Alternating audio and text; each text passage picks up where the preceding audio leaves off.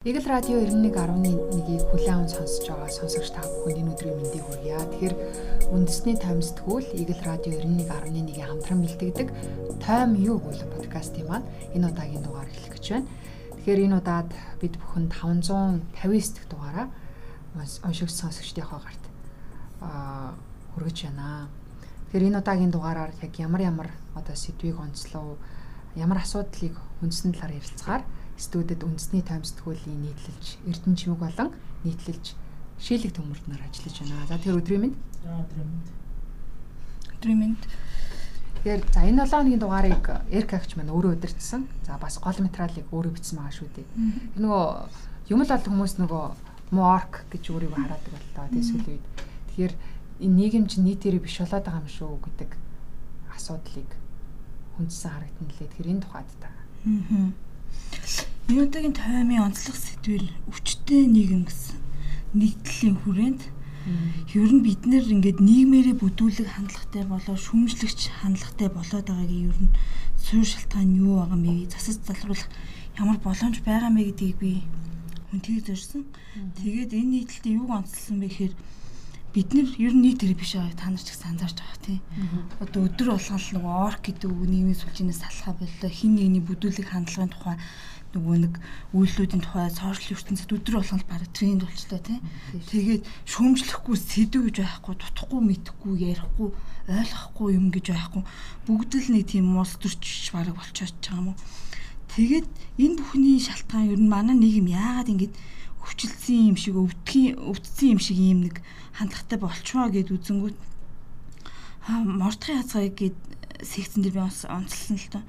Монгол улс үндсэн хуулинд арчсан хүмүүнлэг иргэний нийгмийг бүтээн гэж тунхагласан юм байна. Улс орон болгон одоо тэр үндсэн хуультай заасан нийгмийг бүтээхийн тулд нийгмийг бүтээгч хүнээ тэр яг одоо юу гэх юм бодлогын дагуу бэлддэг юм. Гэтэл манайд ер нь бол тойрч гисэн баг энэ нийгмийг бүтээх иргэдийг бэлтэж байгаа гэдэг бол тойрч гэсэн ол чанараг баг тийм.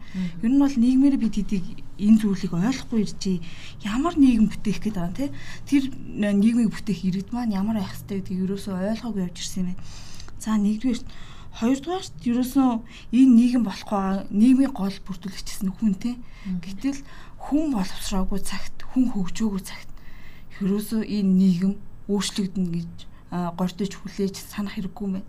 Тэгээд тэр хүнээ хөгжүүлээд хөгжүүлж чадсан цагт л ер нь улс орон нийгэм хөгжлийнхэн голдрол руу орох юм байна. Тэгээд улс орон болгон шийдсэн хүнээ хөгжүүлсэн гол шийдэл нь болохоор ерөөсө боловсрал гэдэг юм. Боловсролын системэл маш хүчрэг болсон тохиолдолд тагаад эдийн засаг бүх юм сэргийдэг юм байна. Тийм учраас одоо энэ бүхний шийдэл ерөөсө боловсралтон хүрэн хаяа боловсрал тай иргэн бол одоо ирээдүйн Монголыг одоо хүмүүлэг иргэнийг тийм үү тийм бусдыгаа хүндэтгдэг бусдыгаа хайрладаг ийм иргэн болж төлөвшнэ. Тэгээ нийгэм мөвчлөлийн нэгэн шинжийг би бас онцлсан л доо.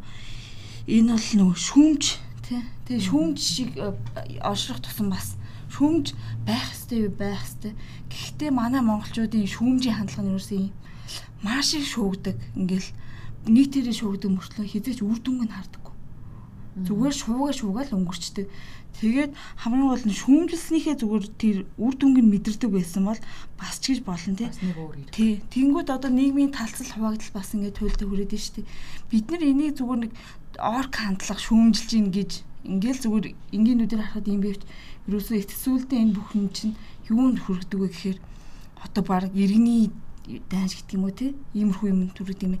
Тэгээ би бас улс төр судлаач философчтой ингээ уулзж хахад ер нь бол Монголын нийгмийн энэ хандлага энэ байгаа байдал бол хизээ тесрэх одоо тесрэх боломжтой бөмбөг болсон байгаа. Ер нь бол нийгмийн бэлэн байгаа нийгмийн хуваагдал хоосрол ингэж ялгаа энэ үзээ ядалт мадал бүгдээр ер нь бол ийм төвшөнд хүрсэн шүү гэдгийг бас анхааруулж исэн тэрийг бас нийтлэлтэй багтаасан байгаа. Тэгэхээр бас нэг өөр зүйл байна л да. Одоо хүн төрөлхтөн наашлаад улс үндэсний түүхэнд те хүн амын нэг дийлэнх хувьч гэдэг юм а залуучууд байгаа а одоо залуучууд эзэлж байгаа энэ үеийг яг нөгөө хүн амын цонх үе гэж нэрлэдэг юм байна. А гэтэл манайханд яг энэ одоо чухал үеийг те яг зөв голдролт нь оруулж чадчихна уу гэдэг асуудал байна. Тэгэхээр яг энэ сэдвийг нийтлэлж тамдан жав. Аа ах маань үндсэн мэлээ шүү дээ. Энэ талаар. Тий. манайхан ч одоо яг нөгөө залуу хүн амтай улс тий. Гэхдээ залуу залуудаа яг хөдөлмөрийн насны яг хүн амын цонх үе гэдгийг зүгээр энгийнээр тайлбарлахад бол ер нь хөдөлмөрийн насны хүмүүсийн тоо одоо хамгийн хэмжээнд хүрсэн үйл гэсэн үг л дээ. Тэгэхээр энэ үе нь бол одоо манайх ингээд цонх үе нь одоо ингээд эрт нэгдсэн боловч одоо тэр үе ашиглаж чадахгүй явсаар эдийн засгийн сэрхэхгүй үйлдвэр том хүн бүтээн байгуулалтууд явж чадахгүй одоо ажлах хүчээ ашиглаж чадахгүй байсаар байтал одоо ингээд тэр цонх үеийг хаагдах гэж байгаа тийм үедээ ирчээд байгаа. Тэр тухайн онцсон. Тэгээ бусад одоо Азийн бар гэдэг улс орнууд ер нь ингээд улс орнуудын хөгжсөн түүхийг харахад бас хүн амын цонх үедээ илүү их бүтээн байгуулалт өрнөс эдийн засгаас сэргээсэн одоо нэг олонний хүч олонгүй талаа гэдэг шиг өөрсдөө нөөц болж байгаа ашиглаад улс орноо хөгжүүлсэн байт юм байна.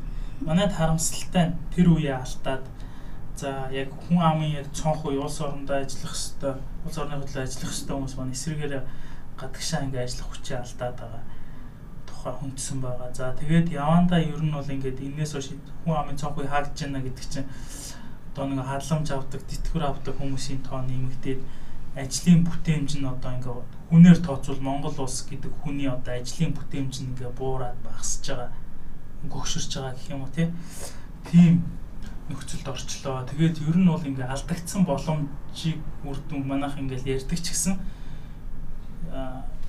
боломжийг алдлаа гэж ярьдаг боловч яг тэр боломжоо ашиглахаа ингээ сайн мэдэхгүй. Алдсан боломж гэдэг бол ингээ дараагийн автобустай адилхан ингээ за за энэ удаад амьдсангүй дараагийн автобусанд сууя гэдэг шиг хүрээд ирдэг зүйл биш ээ гэдгийг тань жоох нэлээд онцлсан байлээ. Тэгэхээр энэ бол хүмүүсийн анхаарлыг татсан нийтлэл хүмүүсийн хэсэлийг бодлого тодорхойлж байгаа хүмүүст бол ялцгүй анхааралт нь очих хэвээр тийм сэтгүүлтэй. Тэгээд энэ сэдвийг бас нэлээд дөрвөн жилийн өмнөөс сэтгүүлч хөндөж байгаа. Гэвч яг үр дүнгээ бас өгөхгүй л байгаа.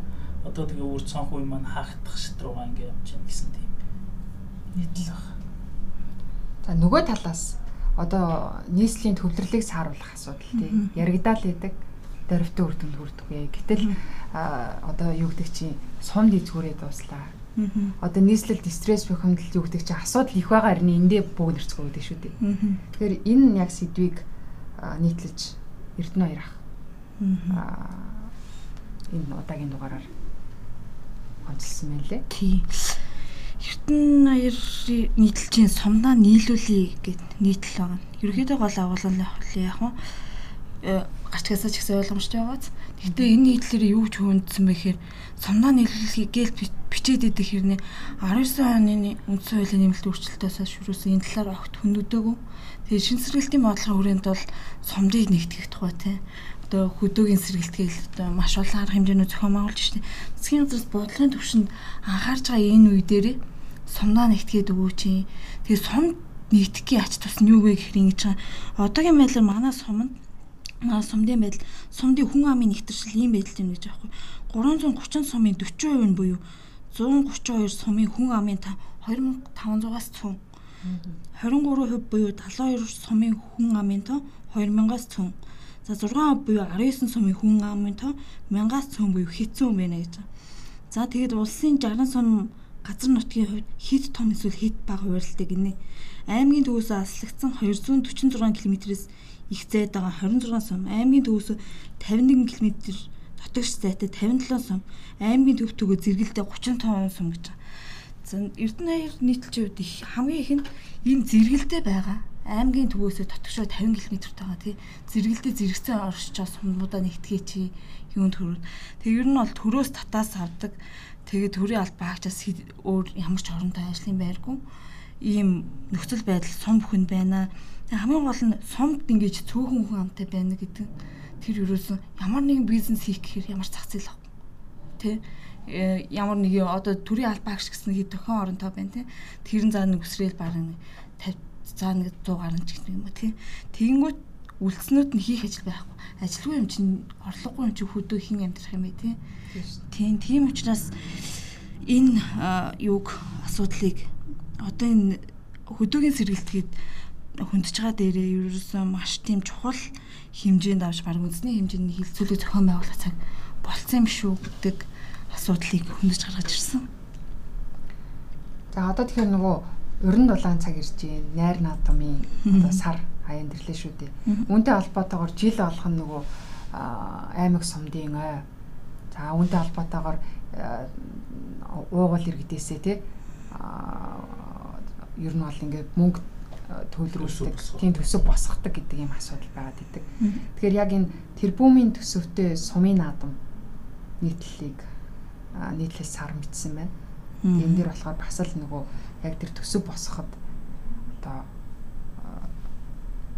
хүмүүсээс баг ингээд тий алтан маягаар тийм болж эхэлж байгаа тухай нийтлэл томцсон байна. Ер нь бол ингээд манайхан ингээд ой тэмдэглэх, баяр наадам хийх их юм дуртай хүмүүс шүү дээ. Аа тэгээд дээр нь сумын аймгийн за тэр бүр сургуулийн гэхээр л хүмүүсийн яг тэр нөгөө нэг баярлах сэтэл нэг төрдөг. За тэр одоо ажил хариуцж байгаа хүмүүс нь сумын засаг дараа сургуулийн захирлч гэдэг юм ингээд хүмүүс маань агаа сайхан зохион байгуулсан тэрүүгээрээ бас ажиллаа хэмжүүлэх гэдэг за бас хэмждэг ер нь тийм жишг тогтцоод байна. Тэгээд энэ жил бол нэлээд одоо 50 гаруй сумын гэсэн байлоо. Яаж байгаа тохиож байгаа юм. Тэгээд зарим тохиолдолд энэ одоо сумын тэмдэглэх төсвийг одоо иргэдээсээ шууд за нэг өрхөөс тэд гэдэг ч юм уу юм байдлаар ингээд татчих эхэллээ гэсэн энэ байдлыг шүүмжилсэн ийм нийтлэл байгаа. Тэгээд хэдэн жилийн өмнөөс ярьдаг нэг 90 бодвол 10 жилийн өмнө за яг хөө тэгтээ тэр чинь бүх сумууд ингээд ээжлээ ээжлээ явж байгаа. 90 жилийн 100 жилийн гэж гарна танай юу чинь сумчи яа хөгжтгүн бий модон жарлантай гэдэг нөгөө гадаадаас ирсэн жуулчдаг ярьж исэн ингээл бид нөр өөрсдөө яриад инээгээд идэг. Гэхдээ энэ бол инээдэн биш ингээд нөхцөлөд л юм байна. Тийм байгаа чүмжлээд хилээд байсан ч гэсэн тавтагтаал байдаг. Дараа жил дахиад хэдэн сумын 100 жилээ. Тэрний дараа дахиад ингээд ингээд 90 100 тэр чин дэгш 90 100 гэхгүй 95 гээл бас тэмдэглэн ингээ ингээ яваад байдаг. Тэгээд тэр тоол нь нөгөө иргэдийнхээ одоо халаасыг тэмдэрдэг. Иргэдийн одоо ингээд юугаар санхүүхэн байдлаар оролцдог. Тэгээ сумынхаа наадамд оролцчихгоо, сумынхаа ойдоо очих гэж байгаа гээл хүмүүс нь хүнээс дутуу харагдаж болохгүйгээ шинэ шинэ машин авахаас эхлээл ингээл ингээл гэдэг. Манайхны нэг юм бороо гажиг гэх юм уу тийм сэтгэхгүй гэ байсаар байгаа тухай юм бодлоо. Харин тийм. Энэ нийтлэлд бас юу гэж үндэсний наадам гэдэг чинь бол үндэсний нэг соёлын өв тий. Тэнгүүт манай одоо нэг хувцсны машины том заврын жигний уралдаан ч юм уу тийм болгоод байна. Ер нь бол хин баян хиний нутаг биелгэж үү гэдгээрээ биш зүгээр сумаа хөгжүүлснээрээ тэгээ дээрэс нь ингээд үүх түүх өв уламжлаараа бахарж наадаас гэдгийг манай саран нийтлэлтэй хүлсэн байгаа. Хүлхийг зорьсон байгаа. За тэгэхээр 559 дэх энэ удаагийн дугаарт нийтлэл шийлэг төмөр ахын амлах хамархан түүндээ хүрэх хэцүү гэд нийтлэл багтсан байгаа. Тэгэхээр одоо бид нөгөө тэрбум мод тарина гэд нүүб амлалт амлалт өгчихсэн байгаа. Тэгэхээр одоогийн байдлаар юу? Э, тэрбум модноос хэдийн тарьсан байгаа вэ? Одоогийн байдлаар 17 11 6 сая өглөө тарьсан байгаа. Тэгээд сая бас нэг өмнөх нийтлэл дээр ярьлаа шүү дээ. Манайх нөгөө өмнөөс ингээд дуутах илүү хаагдах гэдэг тий. А тэр байдал ингээл хүмүүст ингээл бэлэг хөгдөг чадахгүй зүйлээ амалдаг ч юм уу тийм тийм зүйлүүд ингээ байдаг зүгээр ингээд тэр нэг юм хошин яриад шүү дээ. Ингээд нөө хормонд нь ирсэн хүн дээр очиод нөгөө хормонд нь очин готаа. За эмээлтэй хазаартай хосборлом борлог морь аваарай гэж хэлсэн. Тэрийг авахгүй очсон чи хомрох авдарны дээрх хос шаазан морийг аваад өгсөн гэд яриад шүү дээ. Яг тэрэн шиг ер нь ингээд манайхан аманд орсон зүйлээ амалдаг. Тэгээ тэрэндээ хүрч чаддгүй тэрнээсээ болоод эвгүй байдалд ордог тийм тохиолдлууд маш их байна. Тухайлбал одоо Гавь тамирчин боксинг Цэндбаатар Гавьяц болны найрыг Даранга аймгаа сонгогдсон улсын хурлын гишүүд Suzuki Jimny машин өгнө гэдэл эрх юмч гартуулаад гэсэн чи тэр машин өгөөж чадаагүй худлаа болсон. Тэгээд өгч албатай юм уу? Тийм тэгээд өгөх албатай юм уу ингээ ингээ эвгүй байдалд ороод тэрэндээ бандсан байсан тийм тайлбар хийсэн. За 2008 онд анх одоо олимпи аврахтаа басны дараа бол олимпийн аваргуудаа за амлж болох бүгдийг амлсан. За телевизийн яг шууд ингээд нэвтрүүлэг яг дан би тэр амар сандаг. Олимпийн аврагтаа болоод ингээд шууд амжуулаад тайлбар хийж байгаа. Телевизийн утас шууд утсаар холбогддог байсан юм да. Ямар ч за тийм тийм газар тийм тийм олимпийн аврагтаа тийм тийм зүйл амлж байна гэл ингээд маш их юм явжсэн. Гэвч тэр нь тэгээд сүүл рүү худлаа авсан гэдгийг одоо Олимпиа авар бол хэлсэн за Бадрууга авар бол ярьцлаганда хэлсэн байдаг. Тэр тухайн маань нийтлэлд орсон байгаа. За яг хөө бид нар ингээ ус дотроо амлах, хин нэгэндээ амлах, өөр өөрсөндөө амлах бол яг хөө одоо дүүрчтэй. Тэгэхээр амралтанд хууртаж одоо гаширдгүү тийм хүмүүс болчиход тахгүй сонгуулийн амралтнаас эхлээд. А гэтэл ерөнхийлөгч маань ерөнхийлөгч ерөнхийлөгчөөр сонгохдоо дудааг байхдаа 3 сарын дараа нүүбд очоод нүүбийн энэ төр дээрээс Монгол улс 2030 он гэхэд нэг тэрбум мод тарьсан байх болно гэж амласан. За дэлхийд дахинд бол энэ маш юм хүчтэй байсан ч явах гэж нэг тэрбум гэдэг бол асар их тоо шүү дээ. Тэгээ 2030 он гэдэг чинь 2021 онд амласан гэхээр 9 жилийн дотор гэхээр жил 100 гаруй сая мод тарина гэсэн үг. Тэгээд ирээд одоо тэр мод тэрбум модгийн үндэсний хөдөлгөөн өрнүүлсэн. Тэгээд тэр хүрээндээ ингээд аж ахуй нэгжүүд бүх салбар салбар банк санхүү уул уурхай гээл. За тэгэл одоо сум дүүрэг ингээл бүх хариуцаад хариуцаад тэд хэдэн мод амлана гэж ерөнхийлөгчтэй амлаж гисэн. Ерөнхийлөгч маань нүүбэлд амлсан бол бид нар дотор ингээ ерөнхийлөгчтэй амлаж шít. Тэр амлалт нь 1.5 тэрбум хүрсэн. Ерөнхийлөгч нөгөө нүүбэлд амлсан амлалтаас даваа явцсан. Гэтэл яг одоогийн байдлаар бол 17.6 саяыг тарьсан байгаа юм билээ. Тэгээд гэхдээ бол эхний жилүүдэд мэдээж шууд их хэмжээгээр тарих хэцүү шүү дээ. Хүнээ бэлтэнтэй суулгах юм аа бэлтэн яг арга хэлбэрээ олно. Тэгэхээр ер нь 2030 оноос өмнө тарьж амжих уугүй гэдэг эргэлзээтэй байгаа. Гэтэ энэ бол амлалт улсынхаа нэр нүүр тэг эдийн чин тавьсан амлалт.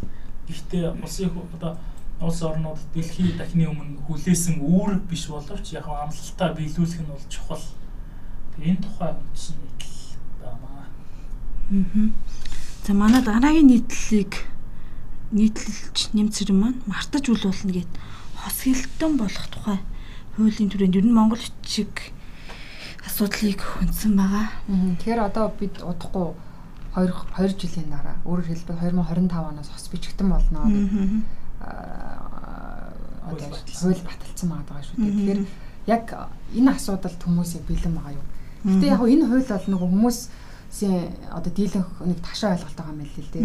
Ерөөсөө 2025 оноос тий бүх зүйл Монгол хичгээр болоод ингээл явчих юм шиг томоохон өөрчлөлт хийчих юм шиг ойлгоход байгаа. Гэтэл энэ бол ерөөсөө нөгөө хос бичгтэн буюу кирилл болон одоо үндэсний бичгээ одоо аль алингийн л орхигдуулалт ашиглана гэсэн үг байхгүй юу?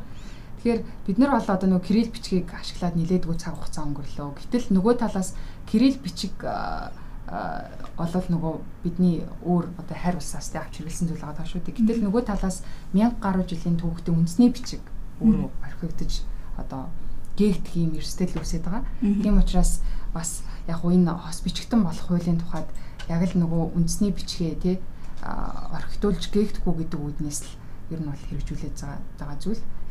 Ямар нэг юмд яг туйлшрах эсвэл дээ юу гэдэг чинь бид нар 1000 гаруй жилийн үндэсний бичгээр одоо ямар нэгэн уран зохиолын ч юм уу эсвэл тийм түүхэн албар зүйлүүдийг тэмдэглэж ирсэн учраас орчин цагт бол нэг талаар одоо үндэсний бичиг рүү 100% шилжилт хийхэд өөрөө тохиромжгүй зүйл. Тийм учраас ер нь бол яг миний өндгсөн санаа бол 1000 гаруй жилийн үг түүх болсон үндэсний бичгээ орхитуулж гээгдүүлэх нь нэг талаас буруу зүйл. А нөгөө талаас бол яг кирилл бичгийг ч гэсэн тий бид нэр ашиглахад одоо хялбар байдаг шиг энэ хоёр зүйлийг одоо балансыг алдагдуулахгүйгээр ийм ашиглал одоо зохистой л гэдэг санааг л мандгийг зурсан.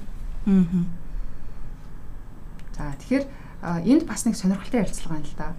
Одоо нөгөө улс төрийн имиж судлаач цолмон гэрэлтэй хийсэн одоо улс төрчдийн имижийн талаар ярилцлага бас 559 дэх дугаарт багцсан байна шүү дээ. Аа. За цолмон гэрэл гээд улс төрийн имиж судлаач ер нь улс төрчдийн имижийн тухай манай нийгэмд бас нэг тийм төдийлөн ойлголт байдгүй шүү дээ. Ер нь бол тий ойлголт багтай. Тэгээд э, энэ хүнтэй ярилцаад утсан чи их олон сонирхолтой юм. Имиж гэдэг нь болохоор ерөөсөн манайх нөгөө имиж гэдэг стил нөгөө гэл имиж стилгээ ойлгоцсон зөвхөн гадна хувцалт гэж ойлгоод идэг.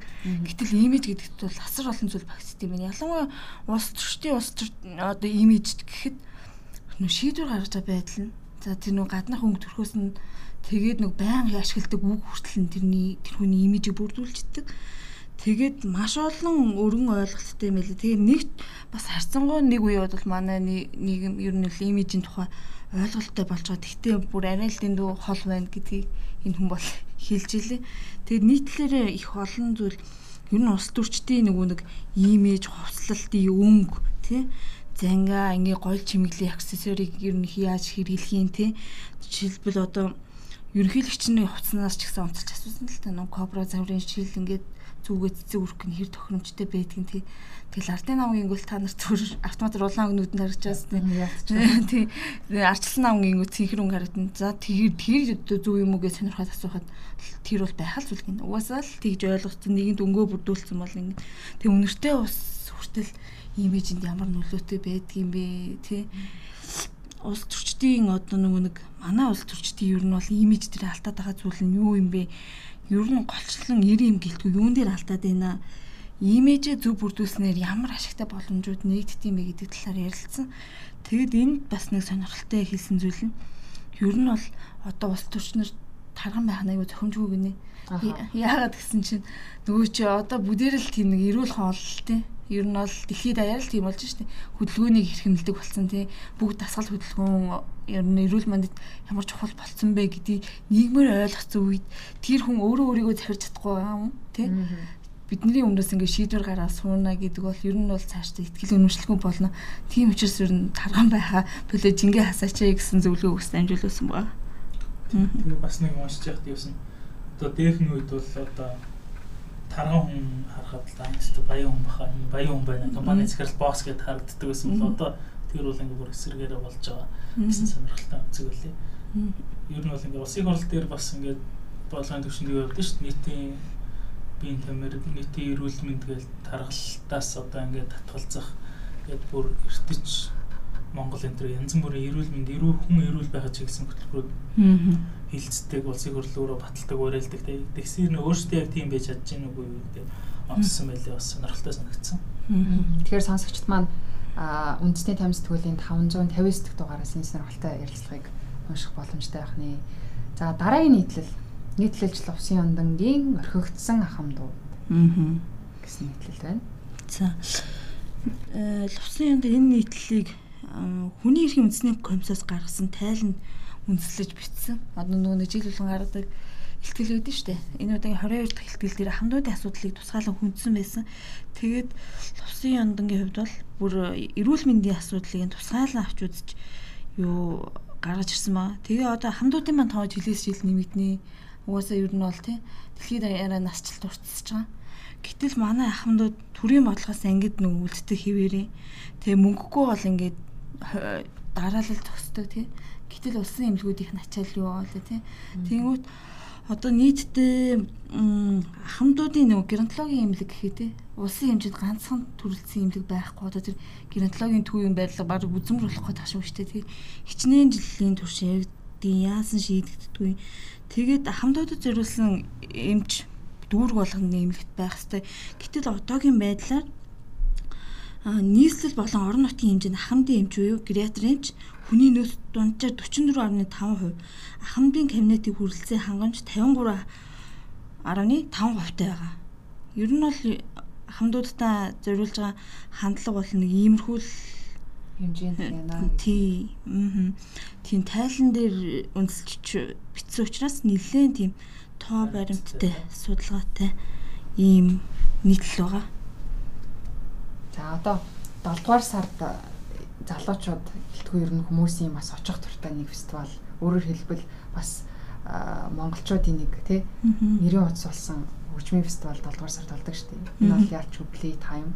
Play time одоо маш олон урсгалын хөгжмийг залуучуудад таниулаад зогсохгүй нэг талаар бас энэ өөрөө тий фэшн талаасаа маш том нөлөөтэй ч юм ийм зүйл болсон шүү дээ соёл хэмжээний. Тэгэхээр энэ талаар яг Play Time фестивалийн талаар нийтлэл сарангоо маш сонирхолтой нийтлэлийг бичсэн байна лээ.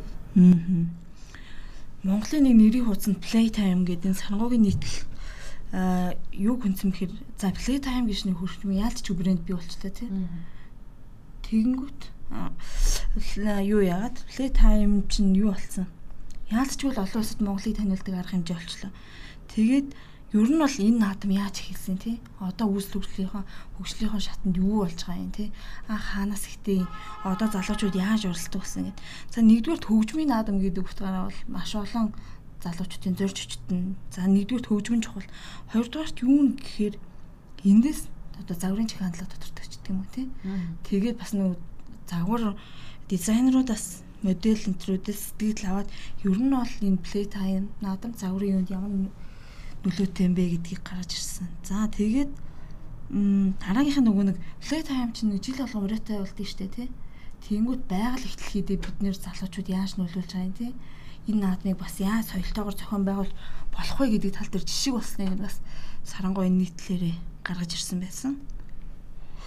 Тийм play time гэдэг нь анх зохион байгуулж байхдаа нэлээд хэдэн жилийн өмнө зөвхөн одоо рок хөгжим сонсдог тий рок ийм залуусын наадам гэж ойлгох гэсэн. Сүүлийн жилүүд бүр ингээд хөрөлжөө. За тэгээ бүр олон улсын болоод за дээр нь одоо төр засгийн зүгээс бас бүр нэлээд анхаарад аялал жуулчлал татах хэрэгсэл болгоод энэ наадам нэлээд том юм ач холбогдол өгч байгаа. Тэр хэмжээгээр зохион байгуулалтч тэр хамарж байгаа хүрээнд гэсэн нэлээд том болж байгаа. Бас их гоё арга хэмжээ болж байгаа гэж ойлгож байгаа. Тэгээд тухай утсан ба. Тэгээд энэ ч одоо плет нь аль хэдийн борлуулагтад туссан баг тэ ер нь бол тэгсэн тэ яалтчгүй л нэг зохион байгуулалт те сая шилэх хэллээ нөгөө зохион байгуулалт хариуцлага гэж гэдэг юм уу те. Дөвлет нөгөө нэг сар өдрөө ядаж л нэг жилийн өмнө зарлчиж штэ те. Энэ нь бол яалтчгүй нэг жишээ бол чадсан л наадам л та. За тэгэхээр өөр нэг энд сонирхолтой нийтлэл яг 559 дахь дугаард багтсан байгаа. За нийлэлж лав гүсүрэн их чи маань хадна гарсан гутал.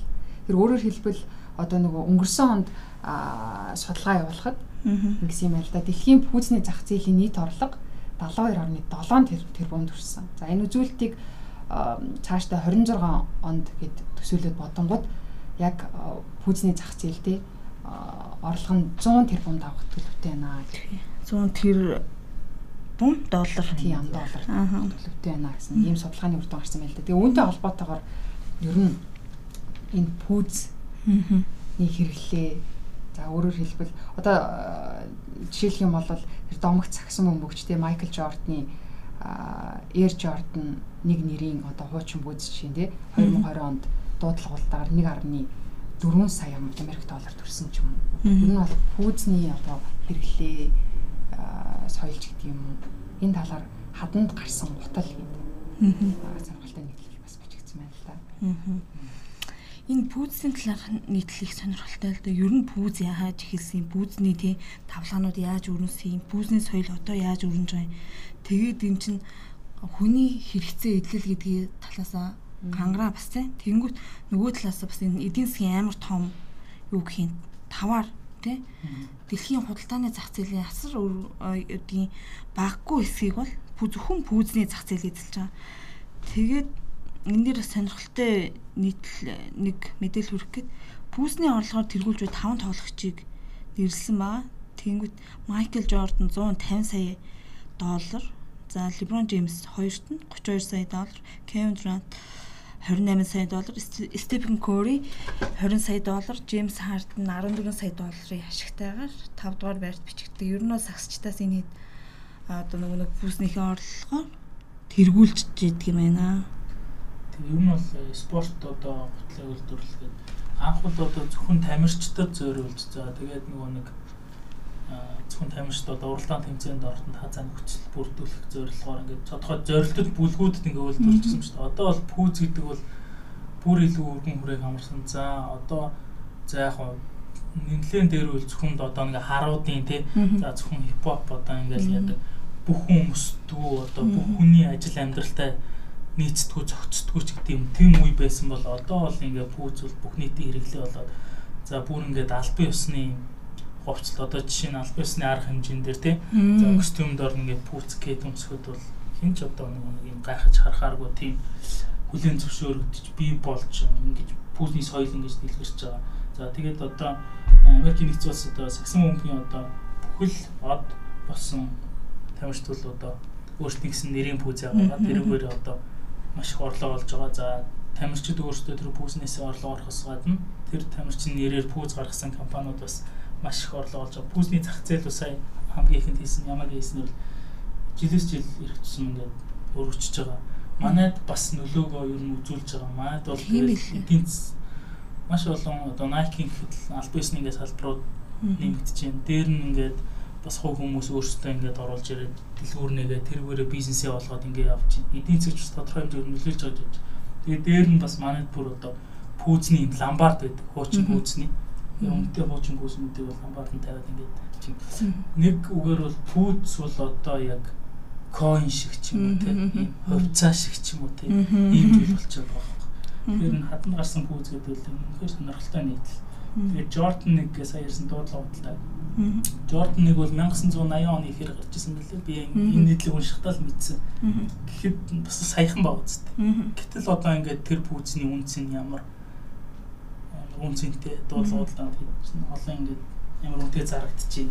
Дээр нь зөвхөн пүүз үйлдвэрлэгч спорт хувц үйлдвэрлэгчид зөвхөн өөрсдөө багш одоо ингээд бусад одоо үнэтэй брэндүүд спортын бас үнэтэй брэндүүд эднэртэй хамтраад бас ингээд пүүз үйлдвэрлэдэг өөрсдийнхөө брендийг шингээдэг ийм үйлдвэрлэл бас явагдаж байгаа. Гэхдээ та нар анзаарсан уу? Одоо бид нар ерөөс өөрсдөө анзаараагүй пүүзний тэр соёлд амар суралцсан юм л шүү дээ. Одоо охтууд хэдэн жилийн өмнөөс эхлээд дийлэн доор пүүз өмснө гэж хэдээс чийдүүлээ төсөөлдөггүй байлаа шүү дээ. Тэ. Тэнгүүт одоо бүр ингээд пүүзэн доор өмсөх китний баг нэг цаврын тренд гарсан зэ. Тэнгүүт одоо ингээд гудамжаар ингээд өглөөлэн ажил руугаа алхах шүү дээ. Тэнгүүт гэрлэн тохион дээр асар олон хүмүүс тий хосол гонж гэдэг юм уу тий костюм бижакэн дээр кет өмссөн тэр хүмүүс ерөөсөн нэгээр тогтохгүй нэлээ олон болсон. Тэгэхээр яалтчгүй бидэд бол нэг хэсгийг нь бүтээгээд э, эхлээд авчижээ. Одоо жишээ нь төрийн ордонд бол одоо өмнө бол зөвхөн ботинктэй оруулдаг гэсэн одоо кеттэй оруулдаг болсон баахгүй. Энэ мэтээс ингээл пүүзний хэрэглээ, соёл, зах зээл ерөөсөн ингээл өдрөөс өдөрт хэлээд л. Тэгэхээр энэ нийтлэг хүмүүс маань сэтгүүлээс уншвал бүр ч илүү сонирхолтой санагдав. Аа. За тэгэхээр сонсогчд маань эдгээр болон одоо бусад сонирхолтой нийтлүүдийг үндэсний тамсдгуулийн 559 дэх дугаараас хүлээн авч унших боломжтой байх нэ. За мөн уламжлал ёсоор энэ удаагийн дугаард одоо өнгөрсөн 7 хоногт болж өнгөрсөн сонирхолтой үйл явдлуудын зураг эрсдлүүд мөн багтсан байгааг онцлие. За тэгэхээр дараагийн 560 дахь дугаараар сонсогчтойгоо үргэлж уулзъя. Түр баяртай. Баяртай. Баяртай.